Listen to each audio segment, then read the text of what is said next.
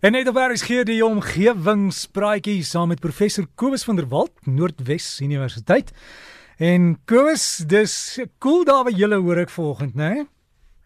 Ja, Derek, weet jy, maar dit is nog nie so cool dat dit nou vir my regtig begin voel soos winter nie. Ek hm. en my vrou ry gister hier deur die strate en jy weet die bome is nog pragtige herfskleure en dis nog nie in die minuse hier in Potchefstroom. Ja, ek weet nie of jy al ryp gehad het nie want ek onthou klomp jare gelede val in Gauteng tydens die Randse Paskou het ons die eerste regte gekoue en ryp gekry en dis nou al wat 'n maand terug.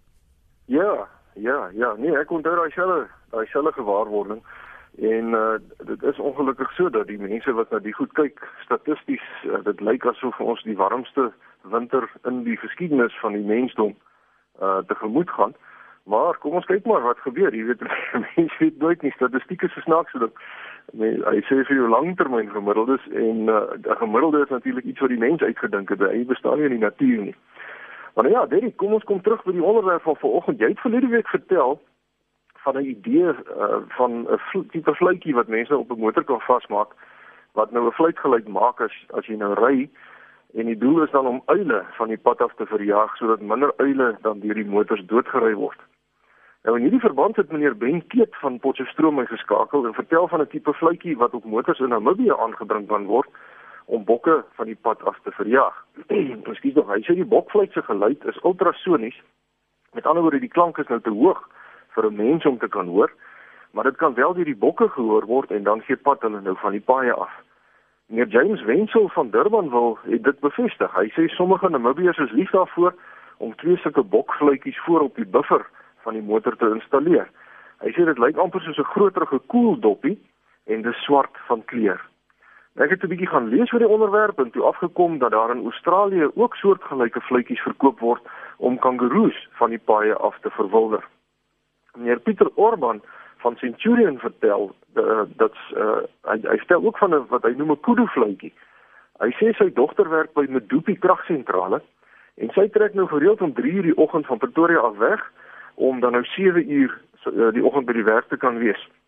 En hy sê daar's 'n probleem met wild in die padreserve in die omgewing van Vaalwater net voor sonop en hy het daartoe vertel van 'n sogenaamde kudu fluitjie wat in die Oos-Kaap ge, uh, gebruik word op die internet word dit geadverteer as 'n deurwissel.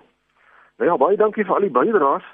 En ek het toe 'n bietjie self navorsing gaan doen oor die gebruik van fluitjies om wild van paaie af te verjaag en of dit dan nou aangepas kan word om uile ook te beskerm. En eerstens is die nuus met betrekking tot hierdie bokfluitjies of die kudu fluitjies nie goed nie. Want wetenskaplike studies het bevestig dat hierdie tipe fluitjies eenvoudig nie werk nie. Navorsers aan die Universiteit van Wisconsin in die VSA het bevind dat geen een van die bokfluitjies wat hulle getoets het teen 120 km/h ultrasoniese klank voortbring nie.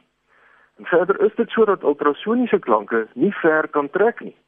Ehm um, dit is sodat lae klanke ver voortgeplant kan word deur die atmosfeer, maar hoë klanke nie en, en ons kan dit self ehm um, uit ervaring getuig as jou buurman nou 'n harde part, partytjie het waar harde musiek gespeel word, dan hoor jy net die doef doef doef van die bas, maar die hoë geluide hoor mense uh, glad nie.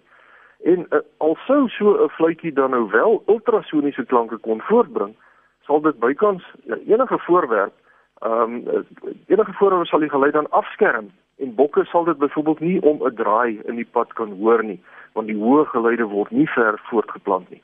En derdens is dit onseker wat 'n bok se reaksie sal wees op 'n ultrasoniese geluid. Met ander woorde gaan hulle nou stil bly staan om te kyk wat dit is of gaan hulle vlug. En as die bokke die geluid nou gereeld hoor en gewoond raak daaraan soos wat hulle motors hoor, gaan hulle dan in elk geval mettertyd hulle seker nou nie meer daaraan steur nie. En dis als vrae uh, wat wat ons nou nie die antwoorde op het nie. Maar hierdie resultate dat die goed nie werk nie, is bevestig deur 'n studie wat gedoen is deur die staat Ohio in Amerika se polisie departement asook die dierkunde departement aan die Universiteit van Melbourne in Australië. So, nou weet ons dat dit hoogs onwaarskynlik is dat die bokfluitjies werk, maar die vraag bly nou of mense nie dalk 'n tipe fluit kan ontwerp wat wel werk nie en dan een wat spesifiek geskik sal wees om uile teen aankomende verkeer te waarsku. Nou hier het ek ook my huiswerk gaan doen en die interessante is dat 'n uil se gehoor omvang baie laer is as 'n mens se. 'n Mens kan geluide hoor van so laag as 31 Hz tot so hoog as 19000 Hz terwyl 'n uil se geluide maar slegs tussen 200 en 12000 Hz is Ons kan 31 tot 19000 hoor. So ons moet dit nou nie verwar met hoe goed 'n uil se gehoor is nie. 'n Uil kan ontsettend baie sagter geluide hoor as 'n mens. Sy gehoor is baie beter as 'n mens, maar 'n mens kan laer geluide sowel as hoër geluide as uile hoor. Wat beteken dat 'n uil fluit wat hard genoeg nou sal lawaai um, om die uile te waarsku en wat nie deur mense gehoor sal kan word nie, onmoontlik sal wees om te ontwerp. Daar is nie 'n geluid wat 'n uil kan hoor wat 'n mens nie kan hoor nie. Nou wil ek graag terugkeer na meneer Pieter Orban van Centurion se brief en hy vertel van 'n oplossing om uile te beskerm teen voertuie. Hy sê dat uile snags naby en op die paaie jag omdat graan van die plase af na die koöperasies en die graansuiers vervoer word. En van die graan mos dan op die paaie en dit lok knaagdiere na die padreserwe. Die muise en rotte lok dan op hulle beurt weer die uile wat dan deur skerp motorligte verblind word. En hy sê daar was 'n aantal jare terug 'n projek by Delmas of by Bethal of een van daai plekke waar boere sulke T-vormige rusplekke in hulle landerye weg van die paaie af opgerig het. En hulle het ook voerplekke vir knaagdiere om die uile se sitplekke gemaak, met die gevolg dat die knaagdiere en die uile met verloop van tyd gekondisioneer is om nie meer naby die paaie te kom nie. En uile wat deur motors op die paaie doodgery is, het van 200 per herfseisoen na net 'n paar verminder. So dit lyk my dat dit 'n baie beter oplossing is om as om 'n uilfluit te probeer ontwerp wat sal verhoed dat uile deur motors doodgery word. En ek dink ons moet sommer vir al ons graanboere vra om 'n paar sulke voerplekke op hulle plase aan te bring. Dit kan sommer naby 'n boom wees wat daar tussen die landerye staan. So mense hoef nou nie eers rusplekke vir die uile aan te bring nie, want as daar baie knaagdiere na die voerplek gelok word, sal die uile hulle in alle geval volg. Baie dankie aan meneer Pieter Orwan van Centurion vir daardie wenk. En terwyl ek nou vir die graanboere gevra het om te help om die uilbevolking te help red, wil ek sommer terselfdertyd vir ons veeboere ook vra om asseblief te kyk op die internet na die gebruik van kruie in hulle boerderye in die plek van antibiotika. En ek praat nou hoofsaaklik van gekonsentreerde industriële plase soos voerkrale, varkplase en hoenderplase. Medisy reg oor die wêreld is toenemend bekommerd oor die superweerstandige bakterieë wat al hoe meer algemeen word. En almal stem saam dat dit die direkte resultaat is van die hedendaagse oormatige gebruik van antibiotika. En ons praat nou nie net van die oormatige en onnodige voorskryf van antibiotika deur mediese dokters nie. En ek moet daarom nou hier net ook 'n lansie breek vir die dokters. Ek het vriende wat dokters is en hulle sê die pasiënte dring eenvoudig daarop aan. As jy nou nie antibiotika voorskryf vir 'n ou met 'n toeneus nie, dan gaan soek hy eenvoudig na 'n ander dokter wat wel antibiotika sal voorskryf. So ons pasiënte moet ook mooi luister hierso. Antibiotika moet slegs in regtig in gevalle nodig uh, voorgeskryf word waar dit regtig nodig is. Maar goed, dis nou by mediese dokters. Die ander probleem is die grootskaalse gebruik van antibiotika deur veeboere. Ek het op 'n berig afgekom waar Nederlandse en Ugandese veeboere van Indiese kruiekenners leer om medisinale kruie in die plek van antibiotika te gebruik om hulle diere te behandel.